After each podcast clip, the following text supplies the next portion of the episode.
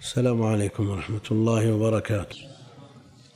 يقول هل الأمر بالمعروف والنهي عن المنكر ومقارعة دعاة الباطل المستهزئين بالدين ودعاته هل ذلك من الانشغال بما لا يعني؟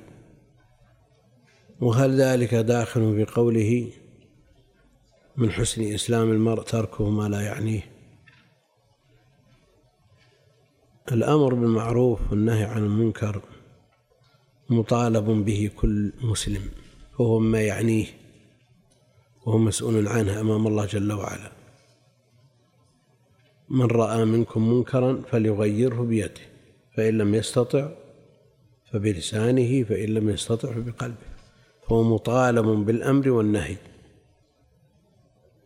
ولولا هذه الشعيرة لما كان لأم لهذه الأمة مزية وخصيصة على غيرها من الأمم. وأما كونه لا يعنيه لا يعنيه الأمر وهو مسؤول عنه أمام الله جل وعلا إذا راه يرتكب المنكر ولم ينكر عليه. وما لعن بنو إسرائيل إلا لتركهم النهي عن المنكر. كانوا لا يتناهون عن منكر فعلوه. والله المستعان. في الدرس الماضي واحد سأل عن عقيدة الشيخ محمد الأمين رحمه الله.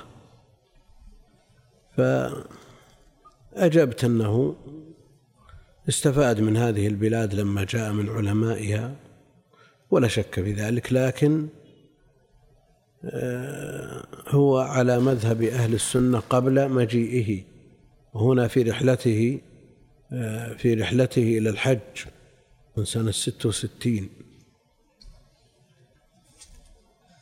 هنا يقول ومما سألونا عنه يعني في طريقهم إلى مكة.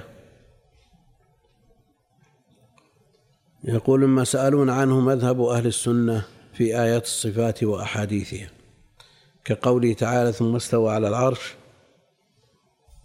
وقوله جل وعلا يد الله فوق أيديهم وقوله صلى الله عليه وسلم قلب المؤمن بين إصبعين من أصابع الرحمن ونحو ذلك.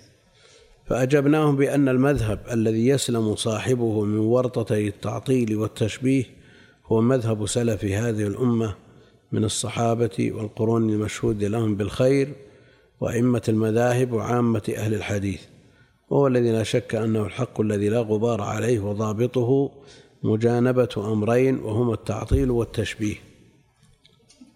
فمجانبة التعطيل هي أن تثبت لله جل وعلا كل وصف أثبته لنفسه أو أثبته له نبيه صلى الله عليه وسلم إذ من الضروري أنه لا يصف الله أحد أعلم بالله من الله ولا من رسوله صلى الله عليه وسلم إلى أن قال ومجانب التشبيه أن تعلم أن كل وصف أثبته الله جل وعلا لنفسه أو أثبته له نبيه صلى الله عليه وسلم فهو ثابت له حقيقة على الوجه البالغ من كمال العلو والرفعة والشرف ما يقطع علائق المشبهة أو المشابهة بينه وبين صفات المخلوقين.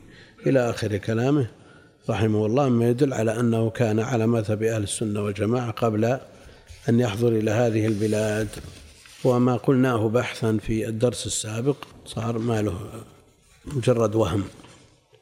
ما أدري مش اعتمدت عليه لأن مذهب القوم هناك في تلك البلاد كلهم على مذهب الأشعرية بل منهم من هو أشد. فيهم صوفية غلاة فيهم أشياء وما زال المذهب السائد هناك هو مذهب الأشعري. ويروج له بعض الشناقطة بأنه هو مذهب السنة والجماعة.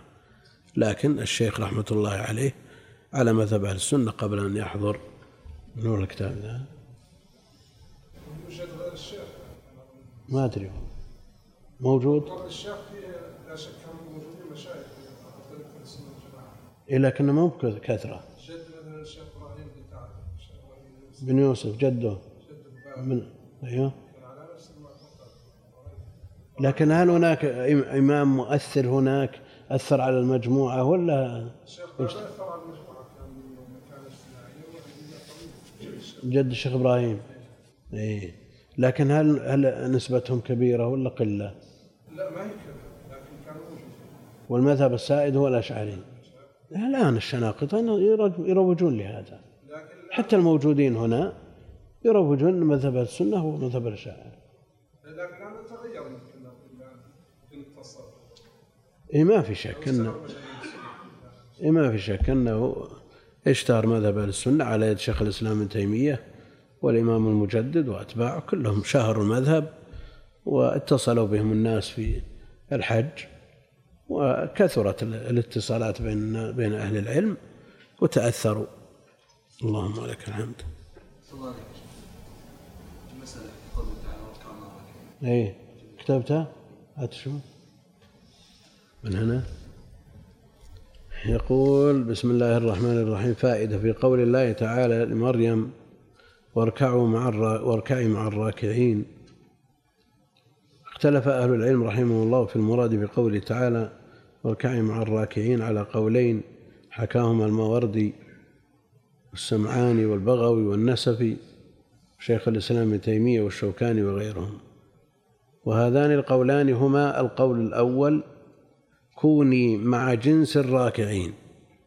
كوني مع جنس الراكعين. بأن تفعلي كفعلهم وتنظمي نفسك في جملة المصلين. القول الثاني اركعي مع الراكعين يعني مع الراكعين في صلاة الجماعة. مع الراكعين في صلاة الجماعة. يعني ما من قول من هذين القولين إلا ويمكن أن يقال به في الآية الأخرى. اركعوا مع الراكعين. نعم. وجه الأول قالوا لأن الله تعالى قال مع الراكعين وهو وهو أعم. قال الواحد رحمه الله وقول مع الراكعين ولم يقل مع الراكعات لأن الراكعين أعم لوقوعه على الرجال والنساء إذا اجتمعوا. وذكر نحوه البغوي والسمعاني تعليلا للقول الأول ولأنه يحتمل أن يتجوز في مع فتكون للموافقة للفعل فقط. دون اجتماع أي افعلي كفعلهم فإنها كانت تصلي في محرابها. ذكر هذا الاحتمال أبو حيان رحمه الله. وأما القول الثاني وهو أنها تصلي جماعة فهذا القول نقله ابن الجوزي عن مقاتل قال رحمه الله ومناه اركعي مع المصلين قراء بيت المقدس. نعم. واختاره البيضاوي رحمه الله. نقلوا ونحو عن أبي السعود. وقال ابن كثير كوني معهم. خطك مو واضح لابد من العناية به. يقول اختاره البيضاوي رحمه الله وقال أمرت بالصلاة في الجماعه بذكر أركانها مبالغة في المحافظة عليها. وقال الشيخ تقي الدين بن تيمية رحمه الله قد يكون أمر لها بصلاة الجماعة وإن كانت امرأة لأنها كانت مجردة منذورة لله عاكفة في المسجد انتهى. ونقل ابن حيان عن الماتريدي أنه قال ولم تكره لها الصلاة في الجماعة وإن كانت شابة لأنهم كانوا ذوي قرابة منها ورحم ولذلك اقتصوا في ضمها وإمساكها انتهى. قال ابن عاشور رحمه الله وقالوا مع الراكعين أن لها بالصلاة مع الجماعة إذن لها إذن لها بالصلاة مع الجماعة وهذه خصوصية لها من بين بني إسرائيل إظهارا لمعنى ارتفاعها عن بقية النساء ولذلك جيء في الراكعين بعلامة التذكير. والذي يظهر والله أعلم أنه لا تنافي بين القولين فإذا أخذنا بظاهر الآية كما يقول الشوكاني ظاهره أن ركوعها يكون مع ركوعهم فيدل على مشروعية صلاة الجماعة. انتهى كلامه. دخل القول دخل القول الأول ولا بد. إذ كونها تصلي معهم جماعة ضمن الراكعين. وبلا شك فهي ستفعل مثل فعلهم اقتداء بهم. لا ما هي بنظمت يجعلها ضمن الراكعين. ويقول هذا إذا علمنا ويقوي هذا. ويقوي هذا إذا علمنا ما ذكره بعض المفسرين من أنها في هذه الآية أمرت بمقامين. مقام صلاتها وحدها ومقام صلاتها مع جماعة قال ابن عطية رحمه الله القول عندي في ذلك أن مريم أمرت بفصلين معلمين من معالم الصلاة وهما طول القيام والسجود وخصا بالذكر لشرفهما في أركان الصلاة والعبد يقرب في يقرب في وقت السجود من الله. وهذا ما يختصان به وهذان يختصان بصلاتها مفردة وإلا فمن يصلي وراء إمام فليس يقال له أطل قيامك. ثم أمرت بعد الصلاة بالجماعة فقيل لها اركعي مع الراكعين. وقصد هنا معلم من معالم الصلاة لئلا يتكرر لفظ ولم يرد بالآية السجود والركوع الذي هو منتظم في ركعة واحدة والله أعلم. في تفسير القيم لابن القيم قال انتبه لمعنى الآية من قوله اركعي مع الراكعين ولم يقل اسجدي مع الساجدين فإنها فإنها عبر بالسجود عن الصلاة وأراد صلاتها في بيتها لأن صلاة المرأة في بيتها أفضل من صلاتها مع قومها. ثم قال لها اركعي مع الراكعين أي صلي مع المصلين في بيت المقدس ولم يرد أيضا الركوع وحده دون أجزاء الصلاة ولكنه عبر بالركوع عن الصلاة كما تقول ركعت ركعتين وأربع ركعات تريد الصلاة لا الركوع بمجرده فصارت الآية متضمنة لصلاتين صلاتها وحدها عبر عنها بالسجود لأن السجود أفضل حالات العبد وكذلك صلاة المرأة في بيتها أفضل لها ثم صلاتها في المسجد عبر عنها بالركوع لأنه في الفضل دون السجود وكذلك صلاتها مع المصلين دون صلاتها في بيتها وحدها في محرابها. وبهذا يظهر أن القولين غير متضادين بل يمكن الجمع بينهما وعليه فلا يكون هناك إشكال في هذه الآية مع قوله تعالى واركعوا مع الراكعين قال شيخ الإسلام في منهاج السنة في قوله تعالى يا مريم اركعي يا مريم اقنتي لربك واسجدي واركعي مع الراكعين أن هذه الآية بمنزلة قوله وأقيموا الصلاة وآتوا الزكاة واركعوا مع الراكعين. قد قيل ذلك ليبين قيل ذكر ذلك ليبين أن, أن, أن أنهم يصلون جماعة. نعم كتابة لأن مع الراكعين قد قيل ذلك أنهم يصلون جماعة لأن المصلي في الجماعة يكون مدركا للركعة بإدراك ركوعها والله أعلم. ها؟ لا لا بس أحسن. أخاف أنت بترجع له يوم من الأيام؟ يمكن ما. إيه جزاك الله خير. الآن نحل الإشكال ولا ما نحل؟ بالنسبة للرحيم والرحمن كان الخلاف حق الرحيم قال تعالى إن الله بالناس رؤوف رحيم كان الخلاف طويل في مسألة الرحيم فكان شو اسمه التفت القيم يقول شو اسمه إن الرحيم يتعلق برحمة عامة ورحمة خاصة وجعل خاصة وكان المؤمنين رحيما مثالها وجعل عامة مثل تعالى إن الله بالناس رؤوف رحيم. قال أما الرحمن فيتعلق بصفة الصفة الذاتية به سبحانه وتعالى وهي الرحمة. وأما الرحيم فهو متعلق بصفة المتعدية نعم. بالصفة المتعدية. إيه، زين. المقصود أن اركعي مع الراكعين. واركعوا مع الراكعين. ما أوردنا الإشكال في الدرس الماضي إن قلنا إن إن كان في آية دلالة على وجوب صلاة الجماعة فصلاة الجماعة واجبة على مريم. وإذا قلنا أن الآية في متعلق بمريم لا تدل على وجوب الجماعة عليها فآية الرجال لا تدل على الوجوب وإنما تدل على الموافقة. لهم في كيفية الصلاة. وفي الوقت يعني الموافقة لهم من كل وجه.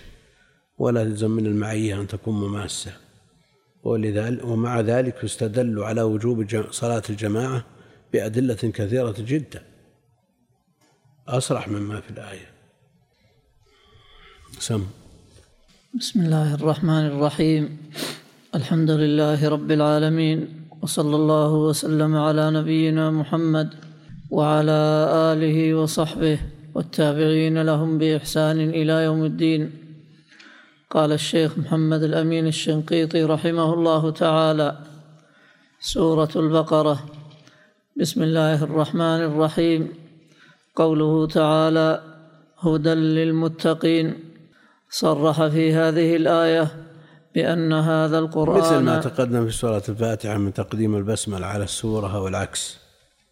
والذي يظهر أن البسملة مقدمة. لأنه لا يراد تلاوة الفاتحة لتكتب معها البسملة. نعم. صرح في هذه الآية بأن هذا القرآن هدى للمتقين ويفهم من مفهوم الآية أعني مفهوم المخالفة المعروفه بدليل الخطاب أن غير المتقين ليس هذا القرآن هدى لهم. وصرح بهذا المفهوم في آيات أخر كقوله قل هو للذين امنوا هدى وشفاء والذين لا يؤمنون في اذانهم وقر وهو عليهم عمى وقوله وننزل من القران ما هو شفاء ورحمه للمؤمنين ولا يزيد الظالمين الا خسارا وقوله وإذا ما أنزلت سورة فمنهم من يقول أيكم زادته هذه إيمانا؟ فأما الذين آمنوا فزادتهم إيمانا وهم يستبشرون. وأما الذين في قلوبهم مرض فزادتهم رجسا إلى رجسهم وماتوا وهم كافرون.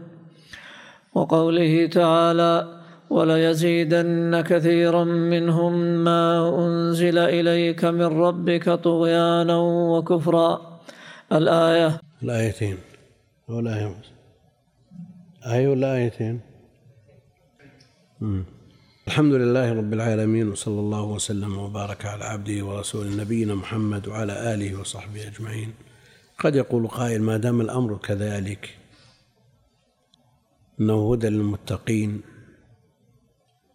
والذين لا يؤمنون في آذانهم وقر وعليهم عمى إلى آخر ما جاء في الآيات ولا يزيد الظالمين إلا خسارا. قد يقول القائل ما الفائدة في دعوة الكفار؟ والله جل وعلا يقول النبي وذكر بالقرآن. ذكر فإن الذكرى تنفع المؤمنين. مفهوم الآية أنها لا تنفع غير المؤمنين؟ فلا تذكرهم. هذا الذي يفهم من ظاهر الآية. ما الفائدة من تذكيرهم والذكرى لا تنفعهم؟ هل هي مجرد قيام الحجة عليهم؟ ونحن نرى أن الذكرى نفعتهم والتذكير انتفعوا به وأسلم كثير منهم والمؤمنون كثير منهم كانوا كذلك كنتم من قبل فمن الله عليكم. هل يقال أن الانتفاع بالقرآن من شأن المؤمن من شأن المؤمن هذا الأصل لأنه هو الذي ينتفع وهو الذي يمتثل. والكافر الأصل فيه أنه رافض وجاحد. فإذا أراد الله هدايته فتح الله قلبه لهذا الكتاب. ظاهر ولا؟ إيه لأنه مشكلة الكلام هذا. معناه أن لا تدعو أحد ما في فائدة ولا يزيد الظالمين إلا خسارة. تبي تدعوه يزيد في ضلاله وغيه نعم إذا كان الله جل وعلا لم يرد له هداية الأمر كذلك. لكن هو لا لا ينتفع حتى يكتب الله له الهداية وقد كتبت له في الأزل فيحين وقتها وينفتح قلبه وينشرح صدره فينتفع. ومع ذلك من يدعو إلى الله من رسله وأتباعهم عليه من يدعو. المؤمنين يرشدوهم إلى ما ينفعهم ويدعو غير المؤمنين من الكفار والمنافقين ويجاهدونهم بكتاب الله ويجادلونهم بالحكمة والتي بالموعظة والتي بالموعظة التي أحسن يجادلونهم. وكم من شخص أسلم بسبب هذه الدعوة؟ ولا يفهم من هذا أن الكافر ميؤوس منه كما يروج بعض رؤوس الرافضة أنهم لا بثوا دعايات أنهم لا أنهم ميؤوس من هدايتهم. أنهم ميؤوس من هدايتهم وتلقفها بعض من ينتسب إلى السنة وبعض الدعاة مع الأسف. كل هذا من أجل ألا ندعوهم. لابد من دعوتهم حتى مع اليأس منهم حتى مع ضعف الاحتمال ندعوهم. وكم من شخص هداه الله جل وعلا منهم. وأما القول بأنهم ميؤوس منهم ولا فائدة فيهم ودعوتهم من باب تضييع الأوقات والجهود هذا الكلام ليس بصحيح. هذا للصد عن دعوتهم ويخشى أن تكون هذه الدعاية صادرة منهم لتحصين أتباعهم. نعم. الغالب نعم. أو أنه لا يستفيد حتى يكتب الله له. أو يحين وقت هدايته فيهديه الله جل وعلا. نعم. ها؟ كل شيء بإرادة الله ومشيئته وقدرتك والأزل مكتوب مكتوب له أن يهتدي في الأزل.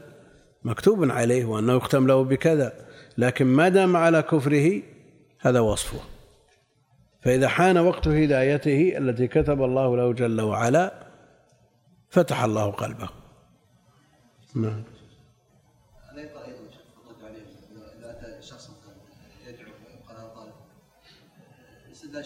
بعلم الغيب انه بسم الله تبارك وتعالى. كيف أصلا هذا من الظالمين لا.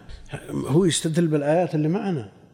كيف عرفت إن هذا الامامي ظالم أو كافر عشان تقول هو كافر كافر. أقصد يعني كيف عرفت إن هذا ظالم وقصد لن لن اسمه لن يمن الله وش معنى هدى للمتقين؟ مفهومه. كلام الشيخ؟ أن غير المتقين ليس هذا القرآن هدى ويدخل في غير المتقين الفساق من المسلمين بعد.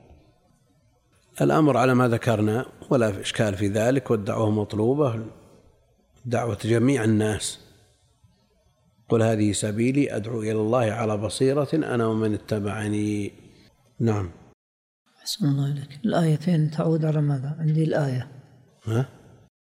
قوله تعالى وليزيدن كثيرا منهم ما أنزل إليك من ربك طغيانا وكفرا. الآية. هي أي واحدة؟ لأني اللي قبلها استكمل الآيات كلها. يعني إلى آخر الآيتين. هذه والتي بعدها هذه والتي بعدها. هذه والتي بعدها. نعم. ومعلوم أن المراد بالهدى في هذه الآية الهدى الخاص الذي هو التفضل بالتوفيق إلى دين الحق لا الهدى العام الذي هو إيضاح الحق. لأن هناك هداية دلالة وإرشاد وهداية توفيق وقبول. هداية التوفيق والقبول هذه من الله ليست لأحد. لا يستطيع شخص أن يهدي أحدا.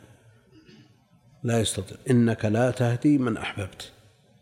وأما هداية الدلالة والإرشاد فهي للرسل وأتباعهم ولا يلزم أن يترتب عليها أثرها لا يلزم أن يهتدي المدعو. نعم. الذي هو التفضل بالتوفيق. عندكم؟ لا تفضل. الذي هو التفضل بالتوفيق. تفضل الله جل وعلا. نعم. قوله تعالى ومما رزقناهم ينفقون. عبر في هذه الآية الكريمة بمن؟ التبعيضية الدالة على أنه ينفق لوجه الله بعض ماله لا كله ولم يبين هنا القدر الذي ينبغي إنفاقه والذي ينبغي إمساكه ولكنه بين في موضع آخر أن القدر الذي ينبغي إنفاقه هو الزائد على الحاجة وسد الخلة التي لا بد خلة. وسد الخلة التي لا التي لا بد منها. وذلك كقوله ويسألونك ماذا ينفقون؟ قل العفو والمراد بالعفو الزائد على قدر الحاجة التي لا بد منها على أصح التفسيرات وهو مذهب الجمهور. ومنه قوله تعالى حتى عفوا أي كثروا وكثرت أموالهم وأولادهم. وقال بعض العلماء العفو نقيض الجهد وهو أن ينفق ما لا يبلغ إنفاقه منه الجهد واستفراغ الوسع. ومنه قول الشاعر خذ العفو مني تستديمي مودتي. ولا تنطقي في سورتي حين أغضب. وقوله تعالى ولا تجعل يدك مغلولة. هذا القول وهذا القول راجع إلى ما ذكرنا وبقية الأقوال ضعيفة. مو عندك؟ عندكم؟ ها؟ وهذا القول راجع إلى ما ذكرنا مع إنه مكتوب الراجح عندي. صواب راجع. وهذا القول راجع إلى ما ذكرنا وبقية الأقوال ضعيفة. فرائض الإسلام جاءت أو جاء كثير منها مجملا في القرآن مجمل في موضع بين بيانا من وجه في موضع آخر من القرآن وتم بيانه بالتفصيل في السنة. وما جاء عن النبي عليه الصلاة والسلام الذي وظيفته البيان عن الله مراده. الإجمال جاء في القرآن. قد يجي بعض التفصيل وأما تمام التفصيل الذي لا مزيد عليه فقد جاء عن النبي عليه الصلاة والسلام. يعني ما بقي مسألة يمكن أن يسأل عنها في الصلاة التي أمر بها وأقيموا الصلاة مع ما ثبت عنه عليه الصلاة والسلام من قوله وفعله. وقل مثل هذا في الزكاة. وجاء الأمر بالصيام. بين وفصلت أحكامه في السنة. وكذلك الحج. جاء الأمر به وذكرت بعض أحكامه لكن البيان التام والصورة المتكاملة جاءت في السنة من قوله وفعله عليه الصلاة والسلام. نعم.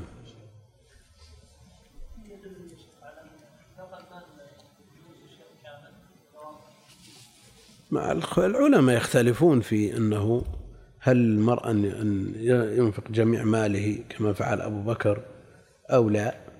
كما قال النبي عليه الصلاة والسلام لسعد إنك إن تذر ورثتك أغنياء.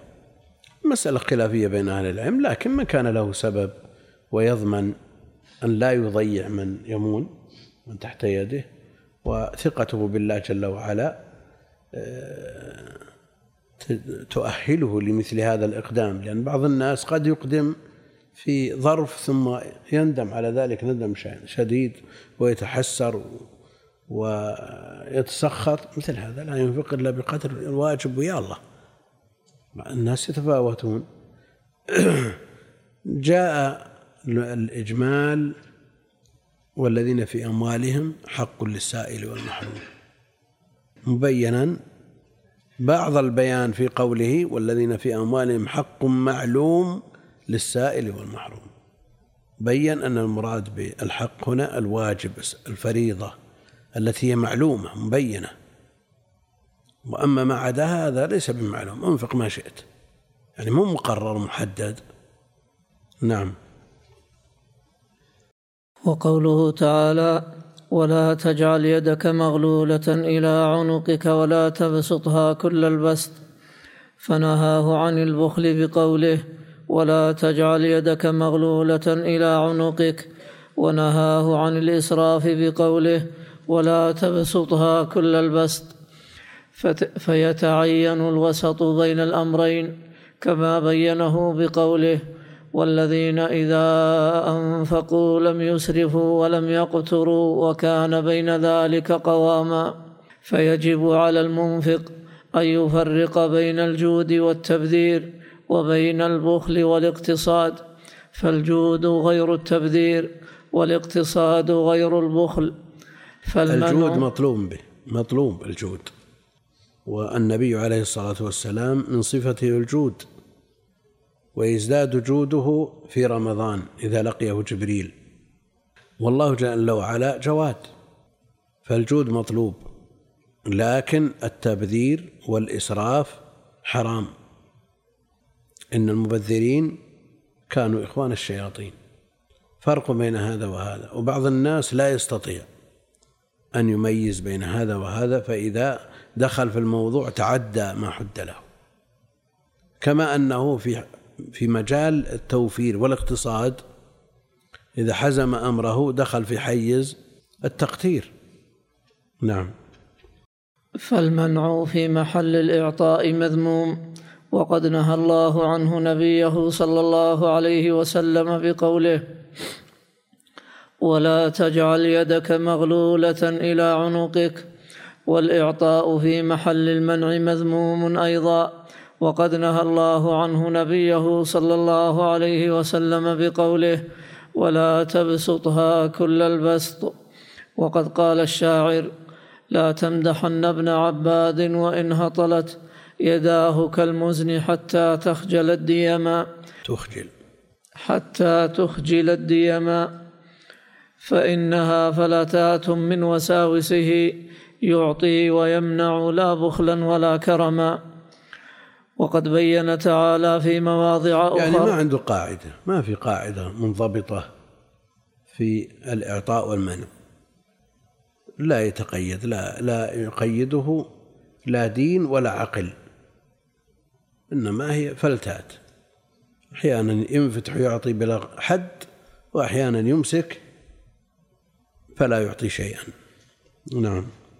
وقد بين تعالى في مواضع أخر. أن الإنفاق المحمود لا يكون كذلك إلا إذا كان مصرفه الذي صرف فيه مما يرضي الله كقوله تعالى قل ما أنفقتم من خير فللوالدين والأقربين الآية وصرح بأن الإنفاق فيما لا يرضي الله حسرة على صاحبه في قوله حسرة حسرة نعم.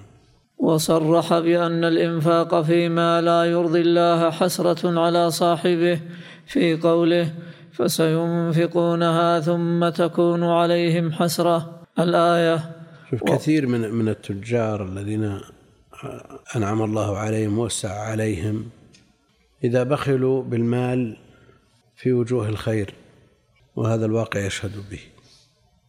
ينفقون أموالا طائلة لا حد لها. فيما لا ينتفعون به لا في دين ولا دنيا. لا في دنيا ولا في آخرة.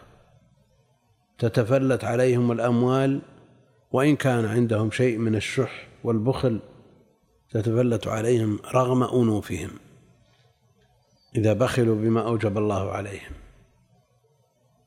يتصدقون في أو يبذلون في أبواب وفي أسفار ورحلات شيء لا يمكن حده. يذكرون مبالغ من الصرف والسرف والبذخ في أسفارهم ونزهاتهم ومع ذلك إذا طلب منهم الشيء اليسير لم تجد به أنفسهم. والله جل وعلا هو المعطي وهو المانع. والنبي عليه الصلاة والسلام يقول إنما أنا قاسم والله هو المعطي. قد يقول بعضهم والله ما كتب الله لك شيء. ما كتب الله شيء. يبخل بما أمره الله به ويقول للسائل والقائم على مشروع الخير يقول الله ما كتب شيء.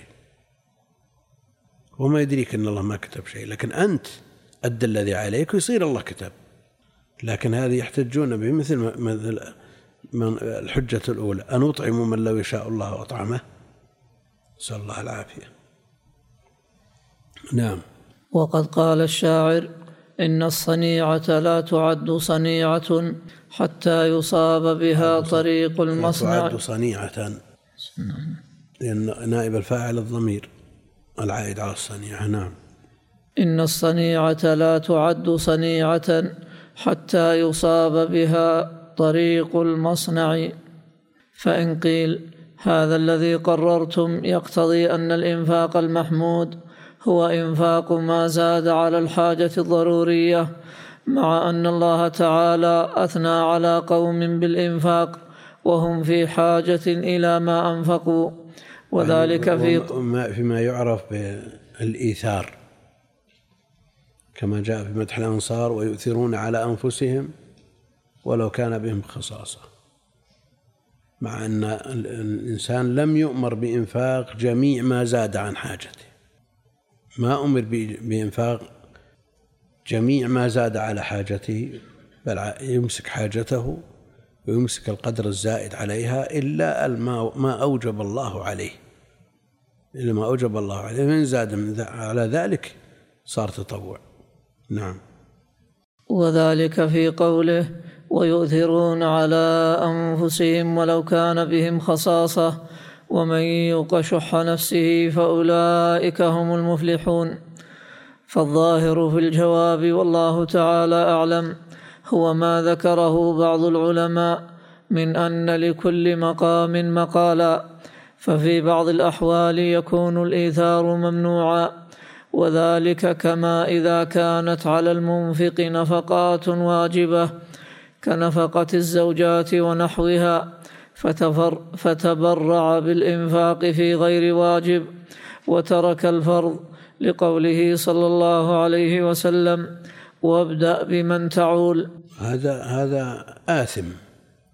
إذا تطوع بالنفقة وهو مفرط بما أوجب الله عليه هذا آثم. يترك الواجب ويشغل ذمته به ويتبرع وكذلك لو كان مدين. لا يجوز له أن يتصدق ولا يجوز له أن يتبرع حتى يقضي ما عليه من الدين. نعم إذا كان الدين كبيرا وأراد أن يتصدق بشيء يسير على فقير محتاج ملهوف أجاز بعض العلماء له ذلك مثل شيخ الإسلام ابن تيمية يقول الشيء اليسير الذي لا يؤثر في الدين ولو أعطي الدائن ما قبله هذا ما في مانع يعني مطلوب مئات الألوف ويمر بسائل يعطيه خمسة ريالات أو عشرة أو شيء من ما يضر. ومثله لو كان مدينا وأراد أن يحج حجه بطريقته الخاصة ما يكلف شيء. نفقة السيارة اللي هو بينفق عليها وهو في بلده وأكله وشربه بيأكله ويشربه في بلده. بعض الناس يوفر في الأسفار أكثر مما يوفر في الحضر. شيء يسير جدا والمبالغ طائلة وتأتي إلى هذا الدائن اللي يطلب خمسمائة ألف ستمائة ألف وتعطيها ألفين ثلاثة وألف أو قابله. مثل هذا قد لا يؤثر. نعم. وكأن يكون لا صبر عنده عن سؤال الناس فينفق ماله ويرجع إلى الناس يسألهم مالهم فلا يجوز له ذلك.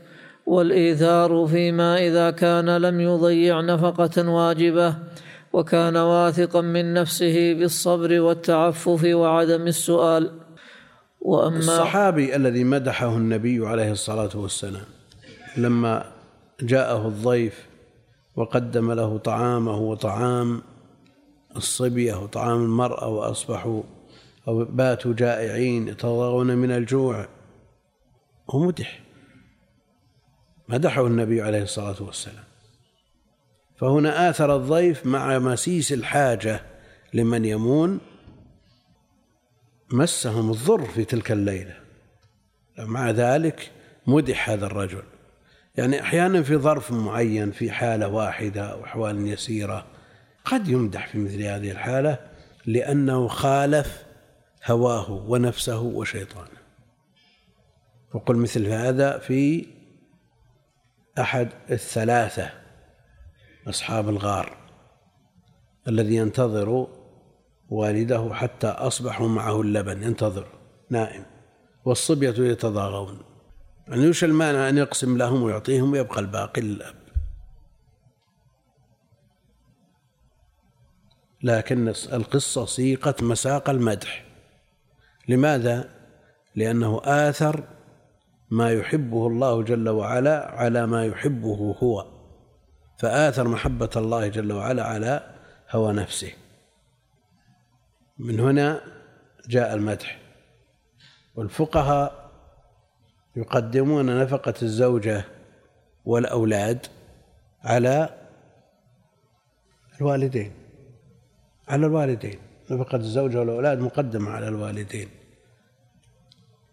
لكن هل يفعل متدين يرجو ما عند الله ويخشى عقابه أن يقدم ولده على والده؟ هنا من مسألة الفقه مسألة العمل بالظاهر لكن ما يتعلق بالقلوب.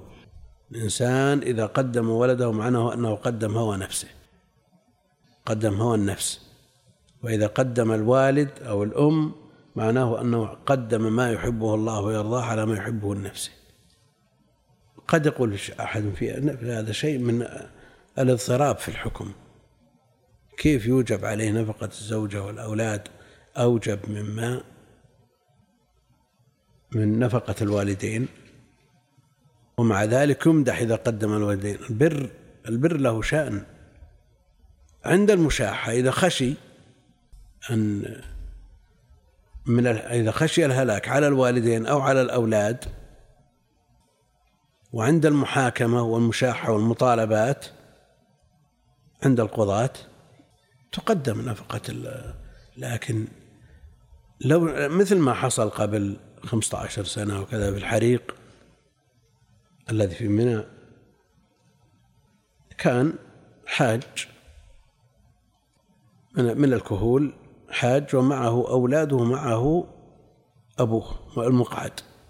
احترق المخيم فحمل ولديه وهرب وترك الوالد يحترق. لأنه لو حمل الولد احترق الأولاد. فما الذي قدم في هذه الصورة؟ قدم هواه وما يحبه على ما يحبه الله جل وعلا. قد يقول قائل إنه أنقذ نفسين بدل واحدة. وأنقذ شباب في مقتبل العمر وهذا شخص يعني أخذ نصيبه من الحياة. لا ما ليست بهذه المقاييس. الشرع لا يقاس بهذه المقاييس. فبر الوالدين وحقهم عظيم وإن قيل في مسألة المقاضاة والأحكام شيء آخر. الليل كله ماسك الإناء ينتظر الأب يستيقظ من النوم والصبي يتضاغون. من الجوع والعطش. المسألة مسألة لبن يقسم لهم ويعود إلى أبيه. لا خالف النفس والشيطان وعصهما وإنهما محضاك النصح فاتهمي هذا مراد الله جل وعلا أن تقدم والديك وأن تبر بوالديك على نفسك. تقدم على نفسك. نعم. وأما على القول بأن قوله تعالى ومما رزقناهم ينفقون يعني به الزكاة فالأمر واضح والعلم عند الله تعالى. قوله تعالى ختم الله على قلوبهم وعلى سمعهم وعلى أبصارهم غشاوة لا يخفى أن الواو في قوله وعلى سمعهم وعلى أبصارهم محتملة في الحرفين أن تكون معطوفة أن تكون معطوفة على ما قبلها وأن تكون استئنافية ولم يبين ذلك هنا. ولكن بين في موضع آخر أن قوله وعلى سمعهم معطوف على قوله على قلوبهم وأن قوله وعلى أبصارهم استئناف وأن قوله وعلى أبصارهم استئناف. والجار والمجرور خبر المبتدأ الذي هو الذي هو غشاوة. يعني على ما تقدم تقريره في المقدمة التي يسميها الشيخ ترجمة. نعم. وسوغ الابتداء بالنكرة بالنكرة فيه اعتمادها على الجار والمجرور قبلها ولذلك يجب تقديم هذا الخبر لأنه هو الذي سوغ الابتداء بالمبتدأ كما عقده في الخلاصة بقوله ونحو عندي درهم ولي وطر ملتزم فيه تقدم الخبر. نعم ابن مالك في ألفيته التي سماها الخلاصة أحصى من الكافية الخلاصة أصلها من الكافية. مأخوذة من الكافية والكافية مطبوعة ومشروح. بحدود ثلاث أضعاف الألفية. والألفية ضمنت مع ألفية لابن المختار ابن بونة وهي أيضا مطبوعة. فالخلاصة خلاصة كما قال المؤلف رحمه الله. ومن أراد الزيادات يأخذها من الكافية ويأخذها أيضا من زيادات ابن بونة نعم. فتحصل أن الختم على القلوب والأسماع وأن الغشاوة على الأبصار وذلك في قوله تعالى أفرأيت من اتخذ إلهه هواه وأضله الله على علم وختم على سمعه وقلبه وجعل على بصره غشاوة. والختم الاستيثاق من الشيء حتى لا يخرج منه داخل فيه ولا يدخل فيه خارج عنه. والغشاوة الغطاء على العين يمنعها من الرؤية ومنه قول الحارث ومنه قول الحارث بن خالد بن العاص هويتك إذ عيني عليها غشاوة فلما انجلت قطعت نفسي ألومها هويتك ولا هويتك؟ هويتك. ها؟ لعلي إلى من قد هويت أطير ها؟ وأما هوى فهو سقط نزل وكان لا يرفع يديه إذا هوى للسجود. نعم. وعلى هويتك إذ عيني عليها غشاوة فلما انجلت قطعت نفسي ألومها. وعلى قراءة كأنها وضعت له شيء يغطي على بصره فيظنها على خلاف حقيقتها. لما ارتفعت هذه الغشاوة وانجلت هذه الغشاوة قطع أصابعه من الندم واللوم لنفسه. ستجلي ستدري إذا انجلى الغبار أفرس تحتك أم حمار. نعم وعلى قراءة من نصب غشاوة فهي منصوبة بفعل محذوف أي وجعل على أبصارهم غشاوة كما في سورة الجاثية وهو كقوله علفتها تبنا وماء باردا حتى شتت همالة عيناها التقدير علفتها وش فيها؟ في سورة الجاثية. جعل على بصره. ها؟ بس على المعنى. شو؟ وجعل على بصره على بصره. لأنه أشار إلى سورة الجاثية. علفتها تبنا وماء باردا. التبن يعلف لكن الماء البارد علف. فيقدر سقيتها. علفتها تبنا وسقيتها. أو يضمن علفتها فعل يصلح. للأكل والسقي والشرب. يعني أعطيتها تبنا وماء باردا حتى غدت همالة عيناها والرواية الأخرى شتت. نعم. وقول وقول وقول الآخر ورأيت زوجك في الوغى متقلدا سيفا ورمحا. وقول الآخر متقلدا سيفا الرمح يتقلد فالرمح لا يتقلد. نعم. وقول الآخر إذا ما الغانيات برزن يوما؟ و... نعم متقلدا وحاملا. إذا ما الغانيات؟ إذا ما الغانيات برزن يوما وزججنا الحواجب والعيون. العيون ما تزجج الحواجب نعم. زججنا الحواجب وكحلنا العيون. نعم. كما هو معروف في النحو. وأجاز عن بعضهم هذه الأبيات كلها في شرح ابن عقيل على الألفية ومرة على الطلاب في المرحلة المتوسطة والثانوية. لكن هل يتذكرون شيء من هذا؟ لأن ال- الكتب مسخت يعني موجودة الألفية بالمعاهد العلمية وش- وشرح عقيل لكنها مسخت وانتهت. يعني الألفية يقتصرون من ال- ال- الباب الكامل بيت أو بيت ونصف. وأحيانا يحذف شطر ويبقى شطر. كيف يتعلم طالب علم بهذه الطريقة؟ والشروح لعب بها لعب. هذه المعاهد اللي قال لها تأسيس علمي. اختلفت اختلاف كبير جدا. فكيف بغيرها من مراحل التعليم الأخرى المتوسطات الثانويات العامة وغيرها. الحين نقرأ الآن هذه الأبيات ونستذكر ما قرأناه قبل أربعين سنة. نفسه. وحفظنا لها مثل ما نقرأها الآن.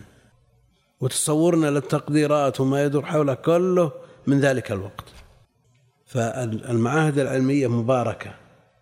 وفيها تأصيل وتأسيس علمي لكن امتدت إليها أيدي العابثين وصنعوا بها ما صنعوا وأدخلوا فيها كل ما يخطر على البال إلى الكرة دخلت. والله المستعان. كثير من المشايخ الذين نعرفهم من طبقتنا ومن شيوخنا فتواهم كلها على مقررات المعاهد العلمية. حفظوا من النصوص حفظوا من المتون ما صاحبهم إلى يومنا هذا. والله والله إني أسمع كأني أسمع شرح مدرس الفرائض في أولى متوسط الآن. ونمر علينا الفرائض في مراحل كثيرة ودرسناه ودرسناه ولا شيء. لأنه في الصبا. يعني الواحد الذهن حاضر والحافظة تسعف والفهم طيب والمدرسين بعد عندهم شيء من من العلم والإخلاص والحرص والمعاهد أسست على ما يقلب على الظن أنها على تقوى. فنفعت وأينعت. لكن الآن من أين؟ يأتي الطالب إلى الجامعة بل يتخرج في الجامعة وبعضهم خام. شديد ما عنده شيء. بعضهم ما يعرف الكتاب المقرر. يجيب لك سبل السلام وأنت تدرسه علوم الحديث أو العكس. ضياع هذا. ضياع. لابد من إعادة النظر في الطريقة الحديثة للتعليم التي سلكت بعد. قد يقول قائل إن التعليم الأول فيه مشقة وفيه كلفة وفيه لا ما في شيء إلا مشقة. لا يستطاع العلم لا ينال العلم براحة الجسم. لا بد من المشقة لا بد من التعب. الله المستعان. نعم. وأجاز بعضهم كونه معطوفا على محل المجرور فإن قيل قد يكون الطبع على الأبصار أيضا. كما في قوله تعالى في سورة النحل أولئك الذين طبع الله على قلوبهم وسمعهم وأبصارهم. فالجواب ما يمكن ما تحتمل مثل آية البقرة. لأن ما بعدها خبر لتكون استئنافية. لابد أن تكون عاطفة وأبصارهم. فالجواب؟ فالجواب أن الطبع على الأبصار المذكور. على الأبصار المذكورة في آية النحل هو الغشاوة المذكورة في سورة البقرة والجاثية والعلم عند الله تعالى. إذ طبع كل شيء بحسبه.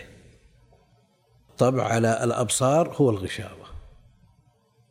يمدينا ناخذ ولا ما يمدي؟ يعني مترابطة اللي بعده في المنافقين كلها. كم باقي على ذنب كم إذن عليه؟ ها؟ ثم ناخذ أخذنا شوي. إيش تقول الشيخ؟ اللي ترى. لأنه انتهى ما يتعلق بالمؤمنين وما يتعلق بالكفار الآن يشرع في ما يتعلق بالمنافقين. وأنتم ترون طريقة المؤلف الاختصار الشديد جدا. حتى الحروف المقطعة ما تكلم عليها. مع أن الإنسان يعجب كيف مرت على الشيخ ولا مثل لكن وظيفته في الكتاب البيان. بيان القرآن بالقرآن. بيان القرآن بالقرآن. يفسر القرآن بما في القرآن. هذه وظيفته الأولى وعليها درج في المجلد الأول ثم طرأ له أن يتوسع. بنوع من التوسع ويدخل بعض الأحكام الفقهية والنكات البلاغية وغيرها. فصار المجلد الأول فيه الفاتحة والبقرة وآل عمران والنساء. أكثر من خمسة أجزاء في واحد من نسبة واحد على خمسة عشر من التفسير. في نسبة واحد على خمسة عشر من التفسير. يعني لو استمر الشيخ على هذه الطريقة صار التفسير يمكن أربعة من هذا من هذا الحجم الصغير. بقية الأجزاء كبيرة. يعني الواحد عن اثنين من ذول من هذا. رحم الله الشيخ وأدى ما عليه وبقي الذي علينا. فوصيتي لطلاب العلم أن يجدوا ويجتهدوا الدرس إن شاء الله في العشرين من ذي الحجة إن شاء الله تعالى. اللهم صل وسلم على عبدك ورسولك. محمد